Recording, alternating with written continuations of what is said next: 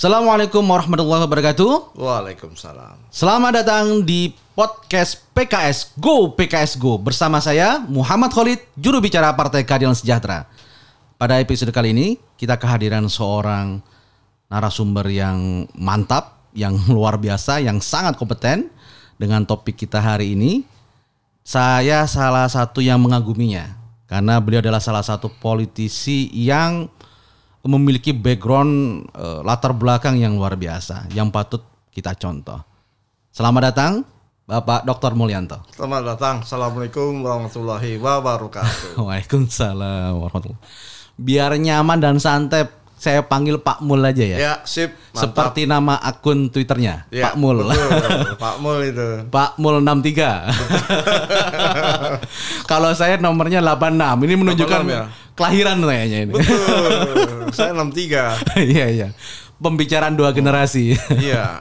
Sebelum kita mulai kita sapa dulu para audiens kita ini yang menonton bukan hanya di Indonesia juga dari seluruh penjuru dunia ini. oh, luar ya biasa ini. penyimak dari PKS TV dan kita juga ada di Spotify juga Pak Mul Hmm. Luar biasa. untuk mendengarkannya. Luar Nah, biasa. silakan disapa dulu Pak Mul. Assalamualaikum warahmatullahi wabarakatuh. Para milenial Indonesia. Terima kasih Pak Mul. Alhamdulillah nih sudah berkesempatan hadir di podcast PKS dan ini eh, kesempatan yang sangat istimewa kita bisa berjumpa dengan Pak Mul.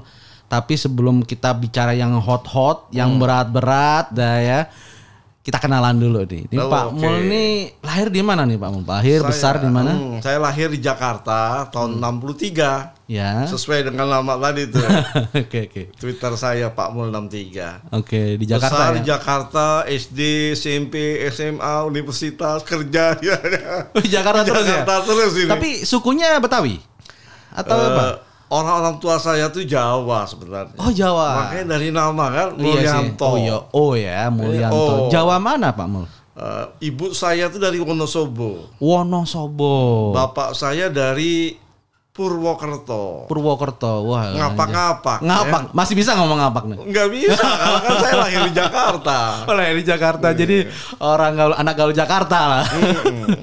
Tapi ngom- ngomong Jawa susah ya? Ngomong Jawa susah ya? Eh, di Dikit-dikit keluarga ya. saya kebetulan ya karena nggak di Tapi apa, denger ya, bisa ya? denger memahami ya? sedikit-sedikit asal Oh. yang nggak terlalu Siap. santun banget ya. yang biasa-biasa Iya, ya iya, masih iya, lah iya. dikit-dikit. Oke. Jadi besar eh, lahir di Jakarta. Jakarta mana Pak Mul? Jakarta Pusat. Jakarta Pusat. Iya. Di daerah? Daerah itu dekat Pasar Baru bagian belakang Oh. itu ada namanya Jalan Kartini. Oh, Kelurahan oke. Kartini Iya, ya daerah situ saya lahir. Oke, jadi lahir besar sekolah di Jakarta, Jakarta. ya Jakarta. Saya dengar Pak Mul ini dulu sempat juga melalang buana sampai ke Jepang. Ceritanya gimana itu? Iya, itu kan jadi setelah saya tamat dari UI, Oh ya, Iya, UI UI. angkatan berapa nih Pak Mul? saya masuk angkatan 81 ya. Waduh 81, belum lahir saya. Nah, jurusan fisika waktu Oke. itu tamat tahun 87. Oke. Eh, kemudian karena saya berikatan dinas ya dengan iya, Badan iya. Tenaga Atom. Tenaga atom. Ya, sekarang menjadi Badan Tenaga Nuklir ya. Wih, tenaga nuklir. Namanya eh, berubah kan? Oke, oke, oke. Jadi pada tahun eh, tingkat 3 4 itu saya ikatan dinas. Oke. Setelah tamat otomatis menjadi pegawai ya. Hmm. Nah, pas saya tamat itu ada program Pak Habibie kan ke luar negeri. Oh iya. Saya Pak. daftar. Ya, beasiswa Pak Habibie Pak waktu itu ya. Habibie saya daftar, diterima lah di apa program Pak Habibie ya. Iya, Saya iya, iya. kirimlah ke Jepang 6 tahun. Oh, itu ngambil master. Ngambil Master master, dan sampai doktor, kan? Langsung doktor untuk bidang teknik nuklir. Wow, teknik Iya. nuklir luar biasa. Jadi saya bidangnya itu teknik nuklir. Ahli nuklir nih. Iya. Waduh, ahli nuklir jadi politisi. Nah, berarti kalau ke Jepang, gitu. program beasiswa di Jepang berarti bareng sama Bapak Sohibul Iman ya, Presiden PKS Iya, sebelumnya ya? Iya. Apa satu angkatan atau beda Eh, atau gimana? saya lebih senior. Oh, lebih senior ya? Karena saya kan eh, berangkat ke Jepang masuk program S2 lalu S3. Hmm, langsung ya, fast track ya. Pak Presiden kan dari S1. Oh iya, Iya. dari S1 ya. Iya, Beliau beliau. S1 S2 S3 ya di Iya, Jepang ya. iya. Made in Japan. Iya. Oke, di Jepang ngambil teknik nuklir di Iya. da- di daerah Tokyo Institute of Technology. Wah, Di itu Tokyo. itu ITB-nya Jepang itu ya. Kurang lebih kata orang gitu ya. Kalau apa namanya Hmm. Todai Todai. Toda itu UI-nya gitu ya. Tokyo ini, University. Ini ITB-nya ya. Nah, Wah, susah lebih. sekali itu masuk itu ya. Ngambil teknologi nuk- Nuklir. nuklir. Terus habis itu Pak Mul Ya. eh, bekerja di Ya kan tadi saya ikatan dinas, Ikatan kan dinas ya. tadi itu ya? Ikatan dinas di Batam. Saya sekolah sambil menjalankan ikatan dinas. Oke, oke, oke. Setelah tamat, saya kembali ke Kembali ya. Badan Tenaga Nuklir. Oke. Bekerja di sana sebagai peneliti. Hmm, oke oke oke. Gitu. Jadi eh, meneruskan lah ya ilmu yang sudah ini ya. Betul. Dan kalau kita lihat nih Pak Mul ini kan eh, menjadi birokrat cukup lama juga ya. Iya, betul. Sampai top level nih saya saya Betul, dengar ya. betul. Nah, itu bagaimana ceritanya dari seorang ilmuwan, engineer gitu, kemudian Iya. birokrat, kemudian masuk politiknya. Betul. Jadi gini, saya pulang kurang lebih tahun 95 ya. Ya, saya ya. masuk menjadi peneliti. Oke. Saya menggeluti dunia peneliti. Hmm. Terakhir itu saya menjadi eh, peneliti media ya. Oke. Sudah mendekati peneliti utama. Hmm. Eh, pada tahun 2004 ya, Hmm. eh, ada peluang ya untuk eh, apa eh, pindah ya ke Kementerian Pertanian. Mhm. Jadi di ujung karir saya di Badan Tenaga Nuklir selain peneliti saya juga ikut manajerial ya Hmm. sebagai kepala kepala bidang ya ya, diistilahkan dulu. Kepala di bidang itu eselon 3. Ada peluang Hmm. untuk ikut ke atau pindah ke Kementerian Pertanian. Oh, oke. Ya.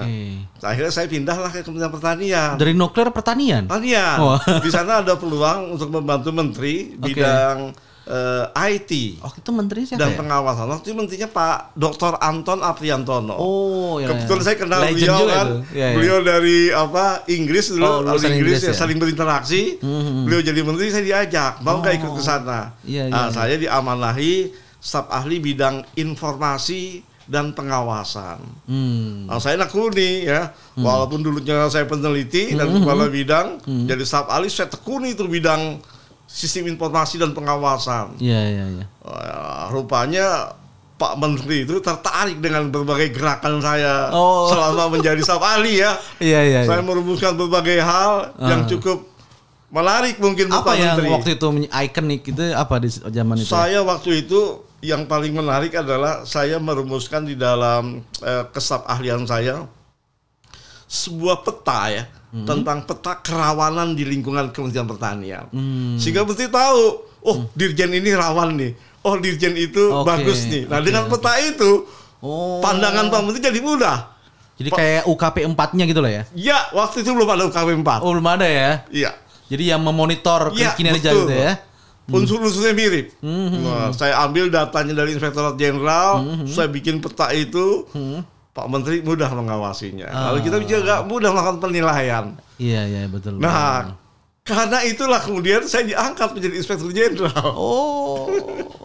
saya juga kalau prestasi Inspek- itu Inspektorat Jenderal ya. Inspektorat Jenderal. Wah, itu udah paling top tuh udah. Top, eselon satu kan. Iya, iya, iya. Tangan kanannya Pak Menteri ya, Iya, tangan iya. kiri ya, tangan kanan sekjen, Iya, tangan kiri Inspektur Jenderal. Iya, iya. Nah di Inspektur Jenderal Penegakan disiplin, Wah, governance. betul. ya.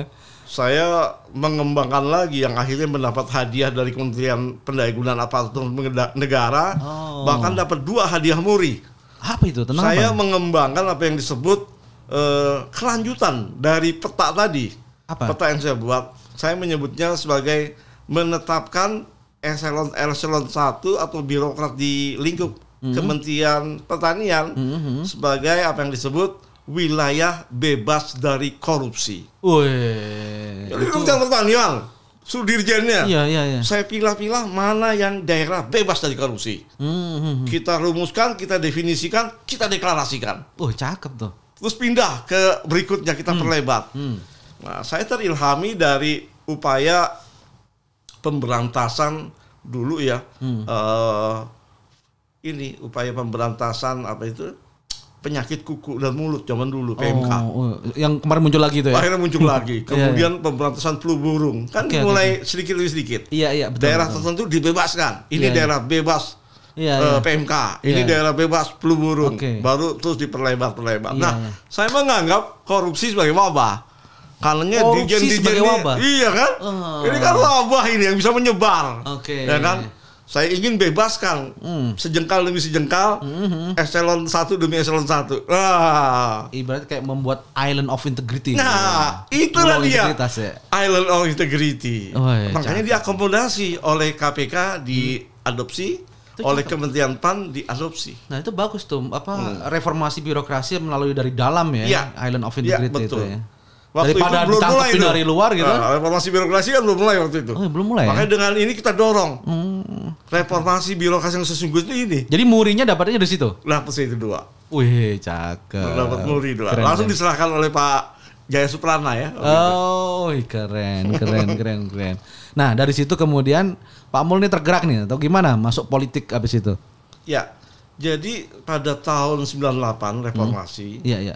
ini kan teman-teman saya di Iya, iya. luar negeri. Aha. Dulu kan saya aktif di Islamic Network ya. Iya, iya. kaum muslimin muda milenial lu berinteraksi dengan apa? Zaman dulu tuh kan ada network ya Iya, melalui internet ya. Hmm, kita ngobrol-ngobrol gitu. Nah 98 dua tahun setelah saya pulang teman-teman sebagian ngajak Hmm, yuk kita ikut mendirikan partai keadilan sejahtera yuk. Nah, Partai Keadilan waktu itu ya? Partai keadilan Oh, oke, oke. Ah, salah satunya Pak Dr. Nur Mahmud Ismail Oh, Nah, Presiden PK. yang pertama kan Ya, ya, ya. makanya saya ikut menjadi Oh. apa pendiri Hmm. partai keadilan Hmm. meskipun PNS karena waktu itu dibolehkan Masih dibolehkan waktu itu? ya? boleh kita mendirikan kan waktu itu yang PNS saya Pak Nur Mahmudi PNS Oh, iya ya. saya dirikan saya mendirikan keluar peraturan pemerintah Hmm, satu tahun kemudian dari tahun 98 harus memilih hmm, mau terus birokrasi PNS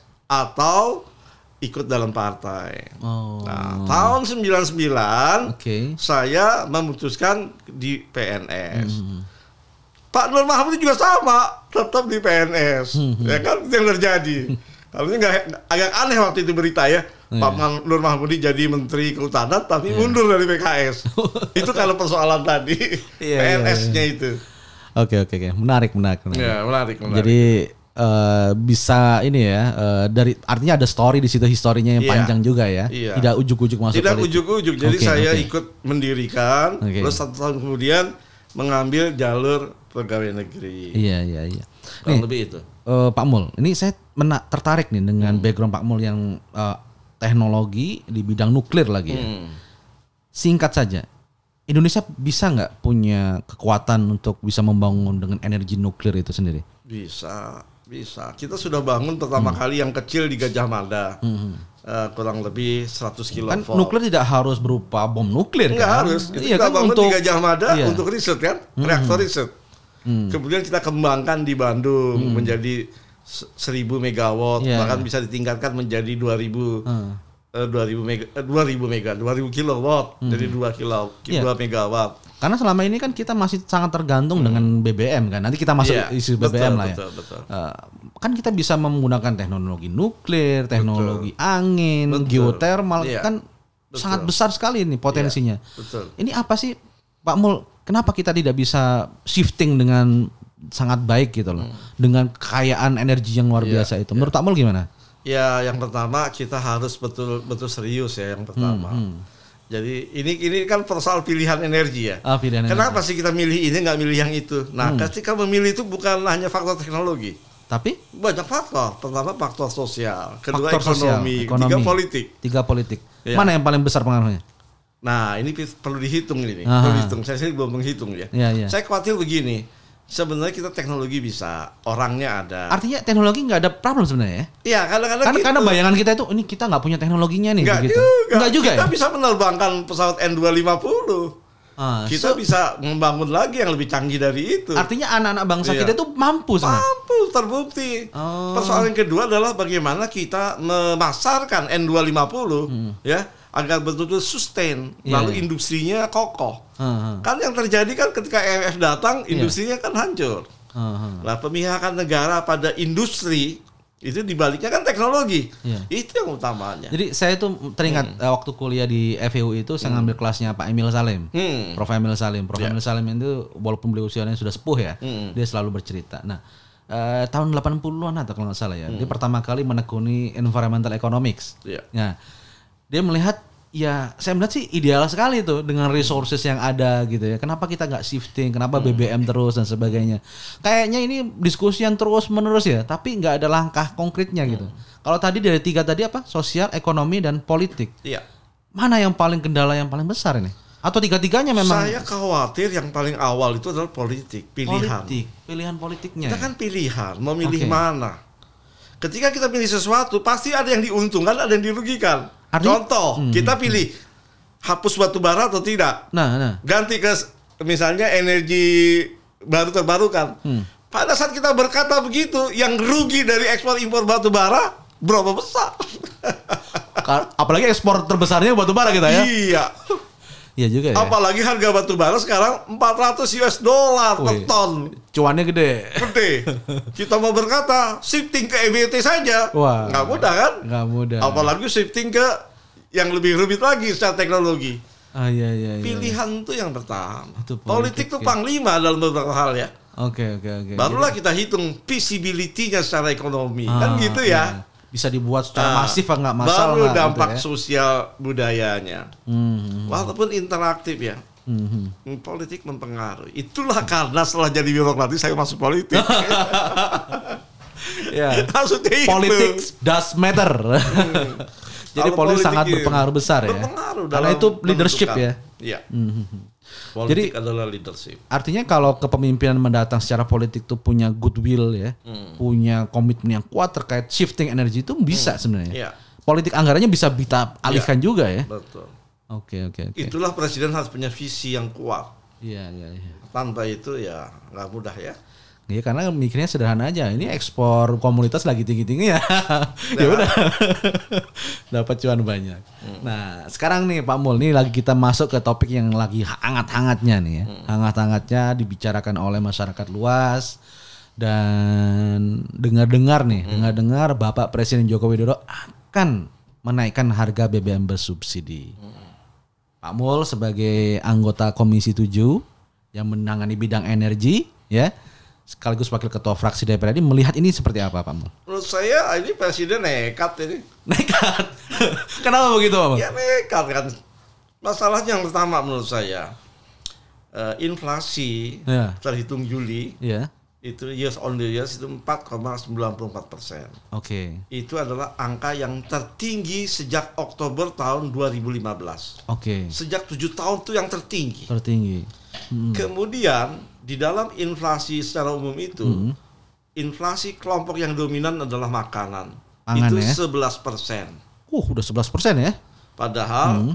Bapak Gubernur Bank Indonesia mengatakan kelompok pangan itu maksimum 5 sampai 6 persen. Hmm. Ini udah 11 persen. Hmm. Nah, itu baru kenaikan sebelum-sebelumnya itu. Iya, iya. Kenaikan BBM non subsidi. Belum naik BBM-nya. Belum lagi kalau Ah. BBM bersubsidi Di- yang digunakan oleh 80% masyarakat luas, Hah. digunakan untuk transportasi umum, Hah. digunakan untuk ngangkut sembako, digunakan untuk ngangkut Gojek, ojol dan sebagainya, naik Iya. iya. lonjakan Wah, luar biasa. inflasi. Jadi udah kepukul harga pangan, Iya. kepukul harga energi. Energi. Uh, babak belur ya. Ditambah masyarakat masih belum pulih benar dari Ah. Covid. Belum cukup kuat untuk Iya. bangkit. Iya, ya iya. kan? Kita memang jargonnya pulih lebih cepat, bangkit lebih kuat. Itu kan Ah, jargon. Jargon, jargon. Nyatanya kan Susah. belum pulih benar. Iya, bangkit pun belum kuat. Iya, iya. Ibarat ini sakit badan nih, makannya harus bubur, Ah. banyak istirahat, Iya, kan itu. iya. Jangan digejot makan sate Ah. sama sambal krosok. Tongseng. Apa itu? Tongseng, aduh perutnya hancur, sakit lagi, Iya, gorengan. iya, iya.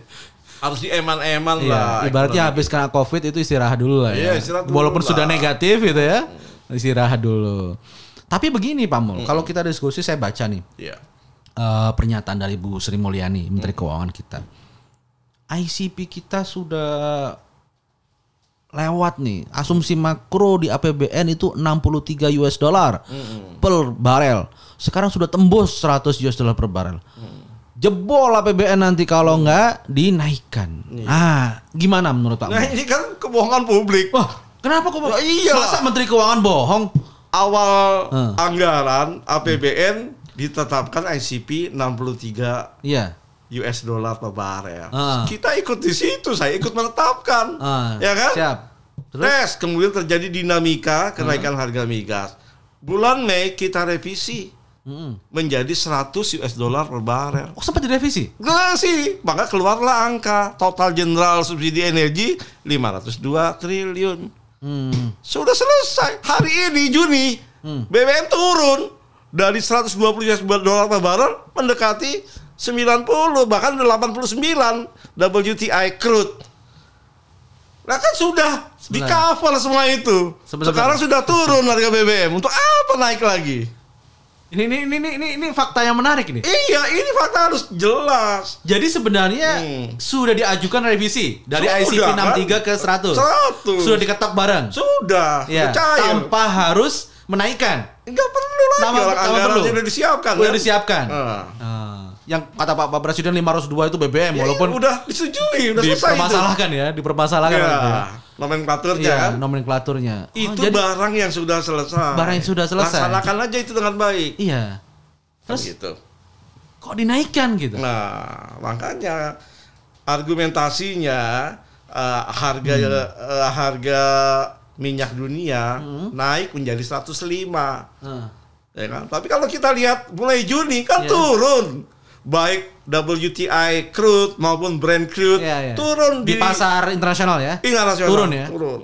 Oh, justru ketika turun malah mau dinaikin. Ya. Bahkan turunnya ini di proof, dibuktikan oleh Hah? Malaysia menurunkan harga Oke. di bulan Juli. Ah. Amerika menurunkan harga. Oke. Ya kan? Iya, iya. Bahkan kemarin 1 September Ah. Pertamina menurunkan harga.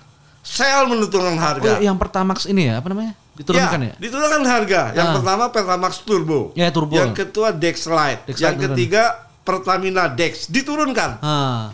Oke, oke. Shell melakukan hal yang sama. Apa artinya? Ah. Artinya harga dunia turun. Hmm, hmm, hmm. MOP sudah turun, berarti menurunkanlah Pertamina. Nah, Iya, iya. pertanyaan saya, untuk apa kita menaikkan lagi harga BBM subsidi?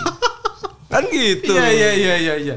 Karena argumennya selalu seperti itu, minyak internasional naik di serat bus 100 gitu kan dan sebagainya dan sebagainya. Jadi ini sebenarnya barang udah lama ini ya, udah diketok ya. Iya, 1 September pukul Iya. eh, ya, pukul 00 kan turun Iya, iya, iya. iya. harga BBM non subsidi Pertamina. Nah, ini- turun sel. oke, oke. Berarti apa? Berarti harga sudah turun. udah turun. Jadi nggak relevan lagi tuh. Nggak relevan. Nggak relevan lagi ya. Nggak relevan. Oke, ini argumen yang pertama tadi udah dibantah oleh Pak Mul. Argumen yang kedua nih yang disampaikan oleh Bu Sri Mulyani dan eh, Opung Luhut ya. Eh, ini yang nikmati orang-orang kaya kok, bukan orang-orang miskin kok. Ini nggak tepat sasaran. Subsidi itu harusnya ke barang bukan ke orang. Gimana Pak? Betul, setuju saya. Hmm, Karena eh, dapat dikatakan yang menerima manfaat dari subsidi BBM ini ya terus terang orang-orang kaya Hmm, yang menggunakan mobil mewah.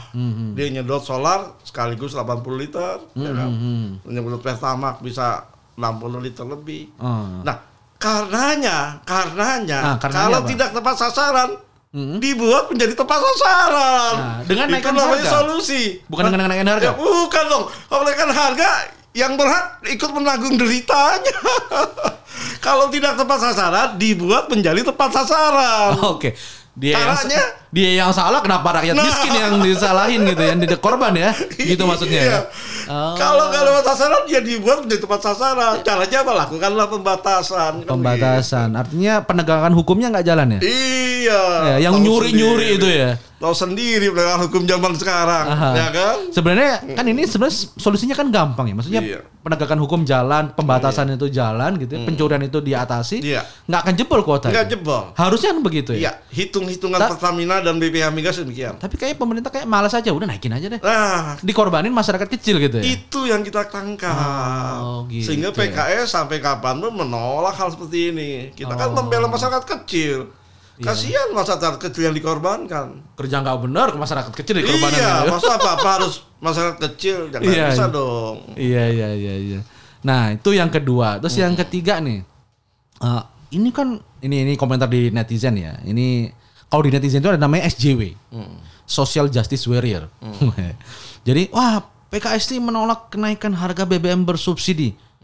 Ini kan sama dengan tidak mendukung energi terbarukan, tidak pro environment. Nah, Pak Mul gimana melihatnya? Ya, jadi begini, kita sudah barang tentu ya, perlahan-lahan kita mengubah ya eh, apa eh, energi balance, energi campuran kita, mix energi kita, perlahan-lahan kita tingkatkan. Unsur energi hijaunya. Oke. green energinya baik di bidang ketenaga listrikan Iya. maupun di bidang transportasi ya Oke. kan Iya, iya. ini kita mainkan kita buat perencanaan-perencanaan PKS setuju Hmm. misalnya di dalam RUPTL ya sam- 2021 sampai 2030 kita dorong agar semakin green Hmm, ya kita kurangi secara bertahap begitu juga di Pertamina kita dorong yang namanya biofuel ya kan Oh, ya. agar lebih tinggi lagi porsinya ya Oke. kan Iya, iya. Nah, tapi dengan kondisi begini sekali lagi Ah. jangan yang dikorbankan dengan berbagai konsep apa pun adalah Daya masyarakat beli kecil. masyarakat kita. Oke. Kita mengarah ke sana tapi bersama-sama kan Hmm. begitu. Jadi keadilan itu memang ruhnya Partai Keadilan Sejahtera kan. Ah, itu coba coba ya. lihat justice itu dalam skala yang lebih besar. Hmm, Keadilan itu bukan berarti antara fosil dan energi hijau Hmm, saja, tapi juga mencakup antara masyarakat kecil dengan masyarakat yang berada. Harus ada keadilan di sana. Hmm. Tapi Pak Mul sendiri atau fraksi PKS sendiri melihat eh, subsidi BBM itu masih perlu nggak sih? Begini, jadi pertama, Karena begini, maaf Ya. saya potong. Eh, dulu di eranya eh, Presiden Habibie juga pernah naikin, ya. Kemudian Gus Dur pernah naikin, terus Bu Mega pernah naikin. Presiden SBY waktu PKS ada dalam kabinet naikin kalau nggak salah dua kali kalau nggak salah, pernah dua kali naikin. Nah Presiden Jokowi di awal kepemimpinannya juga naikin gitu. Jadi sebenarnya nih kalau secara konsepsi nih subsidi BBM itu masih diperlukan nggak sih? ya. Jadi gini, sebelum masuk pada jawaban atas pertanyaan pragmatis itu, kita harus kembali kepada hakikat bernegara. Hmm, gimana itu? antara kita negara dengan masyarakat menempatkan bagaimana posisinya. Ini kan sudah terjadi kontrak sosial antara warga negara dengan negara, menyerahkan mandat agar kita mengelola negara ini demi kesejahteraan mereka. Oke. Maka prinsip dasar kita sebagai terma- termaktub dalam pembukaan Undang-Undang Dasar bahwa negara melindungi segenap bangsa Indonesia dan seluruh tumpah darah Indonesia. Oke. Jadi kita melindungi seluruh orang yang ada di Indonesia, bangsa Indonesia dan seluruh teritorialnya kita jaga ini. Oke. Melindungi bangsa artinya melindungi dari seluruh aspek kehidupannya. Salah satu adalah energi. Kita harus melindungi masyarakat agar masyarakat mendapat hak energinya. Termasuk masyarakat yang kecil. Nah, subsidi kan hanyalah satu-satu metode saja. Ya kan? Kalau daya beli masyarakat tinggi, mereka cukup mampu membeli energi, ya nggak perlu disubsidi. Iya, iya. Kalau sudah mampu, Iya. kenapa subsidi dibutuhkan? Iya. Karena kita melihat daya beli mereka masih sangat rendah. Apalagi pasca Covid. Apalagi pasca COVID. Iya, iya. Jangankan subsidi energi, ya kan? Minyak tanah, eh, minyak goreng aja kita subsidi kan? Iya iya iya iya. Kalau memang masyarakat mampu, ya kan mereka bekerja, apa Iya, tingkat penganggurannya sudah rendah, Iya. tingkat kesejahteraan sudah tinggi. Mekanisme melindungi itu kan banyak cara. Oke. Tidak harus memberikan ikan, ya kan, membentuk subsidi langsung. Ah. Bisa memberikan kail Oke. dalam bentuk yang lain. Terakhir adalah membangun sebuah kebijakan ekosistem yang bagus sehingga mereka terlindungi kan gitu. Social Nggak- safety net ya. Ya nggak harus nurunin satpam juga untuk melindungi kan. Banyak Oke. cara dalam bernegara ini. Oke, pertanyaan terakhir terkait Ya. BBM. Bu Menkyu mengatakan begini. Udah kita naikkan aja biar nggak ada disparitas harga. Ketika dikejar, bagaimana nanti masyarakat miskin, masyarakat yang terdampak gitu ya? Ya udah kita kasih aja bantuan langsung tunai atau bantuan sosial begitu. Jadi ya udah biar eh, efisiensi ini duitnya biar kita kasih kompensasi ke masyarakat kurang mampu. Jadi lebih pas, lebih tepat sasaran. Nah, menurut Pak Mul gimana argumen semacam ini? Iya, pertanyaannya kan sekali lagi, apakah itu yang paling tepat sasaran? Hmm, Ketimbang kita berikan pembatasan. oke. Sekarang saya tanya, apakah data DTKS sudah akurat? BPK komplain, KPK komplain. Banyak masalah. Orang udah ya? pindah, orang meninggal masih ada di DTKS. Dan Iya. data tingkat kesejahteraan sosial. Ada yang bilang yang harusnya dapat nggak dapat, harusnya nggak dapat, yang dapat harusnya nggak dapat. belum dikorupsi dan sebagainya. Iya. Tapi saya sampaikan lagi Apa itu? fakta yang lebih esensial dan struktural. Hmm. Ketika kita kasih eh, BLT bansos, Hmm. yang kita ambil adalah masyarakat yang terbawah miskin, Ya, 20 juta. oke. 20 juta rumah tangga ya? Ya, tes. Ketika inflasi meningkat, garis kemungkinan bergeser ke atas. Oh, ke atas.